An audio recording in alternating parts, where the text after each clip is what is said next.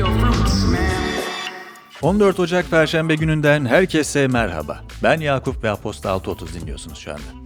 Bu yepyeni günün sizleri iyi bulmasını diliyorum. Güzel bir haber vererek başlamak isterim. Bugün görsel içerik üreten sanatçıların medyadaki üretim alanlarını genişletmek ve disiplinler arası bir topluluk yaratmak amacıyla Aposto Stüdyo'yu hayata geçiriyoruz. Aposto'da yayın yapan tüm yayıncılar ve bültenlerde bu sanatçıları bir araya getirme heyecanı dört bir yanımızı sarmış durumda. Dijital yayıncılığa ve posta bültenlerine yepyeni bir soluk getireceğimize inandığımız bu programa illüstrasyon, grafik tasarım, kolaj ve fotoğraf gibi farklı alanlarda içerik üreten herkesin başvurularını bekliyoruz. Ortaya çıkacak işler şimdiden hayal gücümüze sığmıyor. Dünkü yayının giriş kısmında Gizem'in söyledikleri pek çok kişi gibi beni de biraz düşündürdü. Dönüp kendime ve yaptıklarıma şöyle bir bakmamı sağladı. Ben bu dönemde kimi uğraşlarından vazgeçmek zorunda kalanlardanım. Bunlardan biri yüksek lisans eğitimim. Ne yazık ki son dönemimde bırakmak durumunda kaldım. Sevgili Orhan'ın kulakları çınlasın, bunu bir ara ciddi bir geyik malzemesi yapmıştık. Bu yüzden birinin yüksek lisans yaptığına dair şeyler duymak inceden bir yürek sızlatmıyor değil. E, bu zor süreçte bunu sürdüren herkese güç ve enerji diliyorum. Köprünün karşı tarafına geçmek ya da bu yakasında kalmak. Seçimler, tercihler, gidişler, kalışlar. Bunların tümüne hayat diyoruz işte. Gündemin detaylarını aktarmaya geçmeden önce hatırlatmak isterim. Bugünün bülteni Potamya'nın destekleriyle ulaşıyor sizlere. Potamya kuru baklagiller, tahıllar, sebze ve meyveler ve zeytinyağının önemli yer tuttuğu Akdeniz diyetinin tüm öğelerini en doğal halleriyle bir araya getiriyor. Ayrıntılar bültende. Girişte de belirttiğim gibi bugün 14 Ocak Perşembe ve gündemin öne çıkan detayları Aposta 6.30 farkıyla şimdi sizlerle. Türkiye'den manşetler.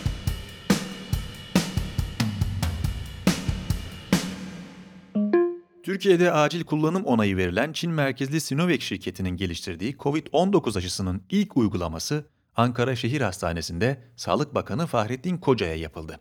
Koca, aşılamanın ardından önümüzdeki günlerin aydınlık olacağına inanıyorum. Hayırlı olmasını diliyorum ifadelerini kullandı. İnsan Hakları İzleme Örgütü her yıl yayımladığı Dünya Raporu'nun 2021 güncellemesinde Türkiye'de insan hakları alanındaki gelişmelerin geçtiğimiz yılda olumsuz seyrettiği değerlendirmesinde bulundu. AK Parti ve MHP'den oluşan Cumhur İttifakı'nın meclisteki çoğunluğunun uluslararası insan hakları yükümlülüklerine aykırı yasaların hızlıca geçirilerek ülkedeki otoriter yönetimi derinleştirmeye imkan tanıdığını ifade eden örgüt, il valilerinin COVID-19 salgınını bahane ederek kadın hakları aktivistleri, sağlık çalışanları, avukatlar ve muhalefet partileri gibi grupların barışçıl protestolarını engellediğini söyledi.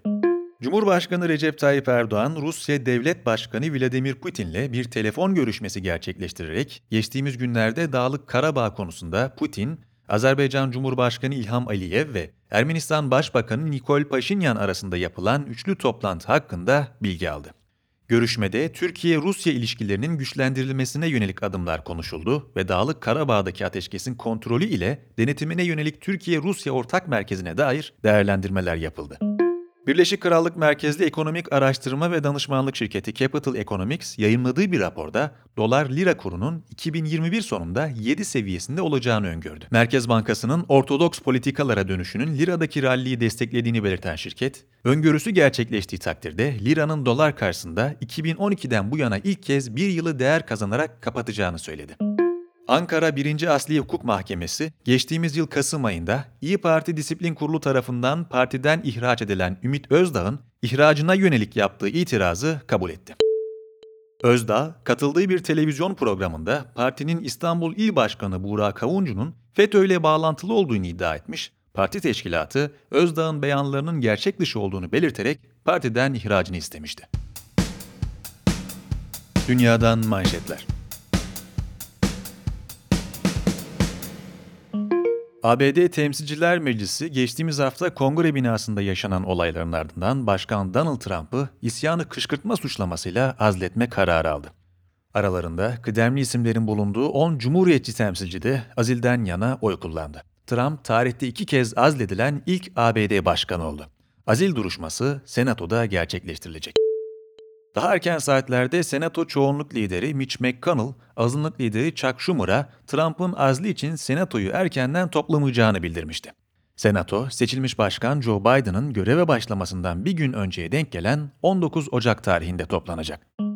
Avrupa Birliği Yolsuzlukla Mücadele Ofisi OLAF, Birliğin Sınır ve Sahil Güvenlik Ajansı Frontex hakkında soruşturma başlattı. OLAF, Frontex'e yöneltilen taciz, görevi kötüye kullanma ve göçmenlerin AB kıyılarına ulaşmasını engellemeye yönelik yasa dışı faaliyetler yürütme suçlamalarını inceliyor.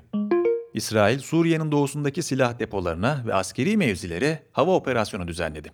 Deir Zor ve Ebu Kemal arasındaki bölgeye en az 18 saldırı düzenlendiğini belirten Birleşik Krallık merkezli Suriye İnsan Hakları Gözlemevi, saldırılarda 9'u Suriye askeri olmak üzere 40 kişinin hayatını kaybettiğini açıkladı.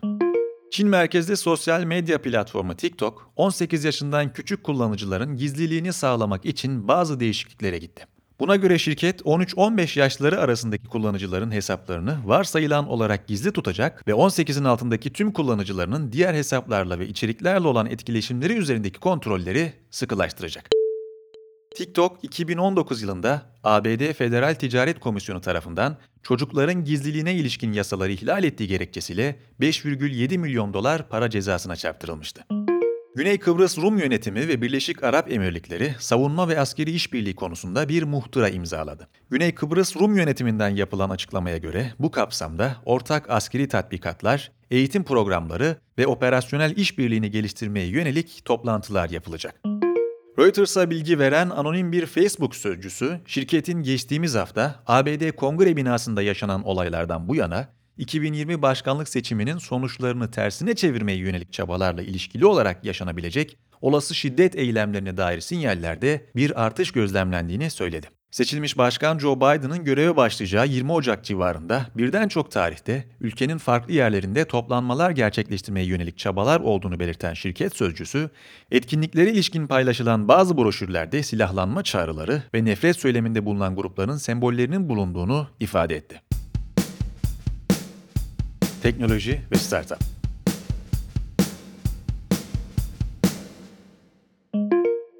Birçoğumuz için hayatın değişmez bir parçası olan WhatsApp, 8 Şubat günü güncelleyeceğini duyurduğu hizmet şartları ve gizlilik politikasıyla Türkiye ve dünya gündeminde en çok konuşulan meselelerden biri haline geldi. Peki WhatsApp'ta neler oluyor? Facebook, 2014 yılında WhatsApp'ı 22 milyar dolar karşılığında satın aldıktan sonra iki tarafın uygulamadaki kullanıcı verilerine yönelik yaklaşımların farklı olması nedeniyle süre gelen bir tartışma oldu.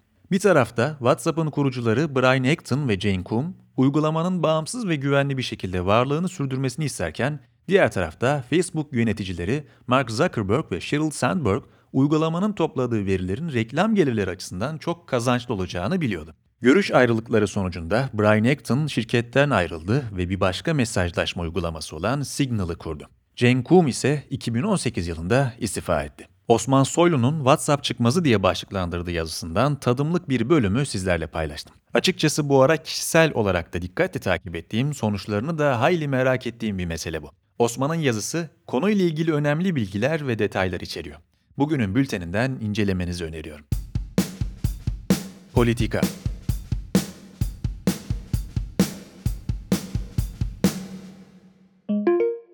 Teknoloji şirketleri ve ABD Başkanı Donald Trump arasında hala hazırda gergin olan ipler 6 Ocak'ta ABD Kongre binasında yaşanan olaylar sonrasında tamamen koptu. Birçok sosyal medya platformu Trump'ın hesaplarını askıya aldığını açıklarken Apple, Google ve Amazon gibi şirketlerde ABD'de muhafazakarlara yakınlığıyla bilinen sosyal medya platformu Parler'a hizmet vermeyi durdurdu. Söz konusu engellemeler, özel teknoloji şirketlerinin siyaset ve kamusal alanlar üzerindeki hakimiyetine ilişkin tartışmaların bir kez daha alevlenmesine neden oldu. İren Can Kuyucu'nun Meksika çıkmazı diye başlıklandırdığı yazısının giriş kısmını sizlerle paylaştım. Konunun arka planını, tartışmaları, olaya ilişkin farklı görüşleri ve platformların geleceği hakkındaki tartışmaları merak edenler detaylara bültenden ulaşabilirler. Eat your fruits, man. Bir Aposta 6.30 yayınının daha sonuna geldik. Ben Yakup. Gündemin öne çıkan detaylarını sizlerle paylaştım. Haftaya salı ve perşembe günlerinde yeniden buluşuncaya dek hoşçakalın.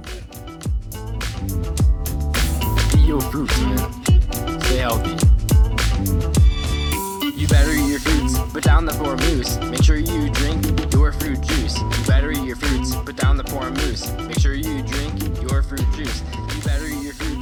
On the four gourmets, make sure you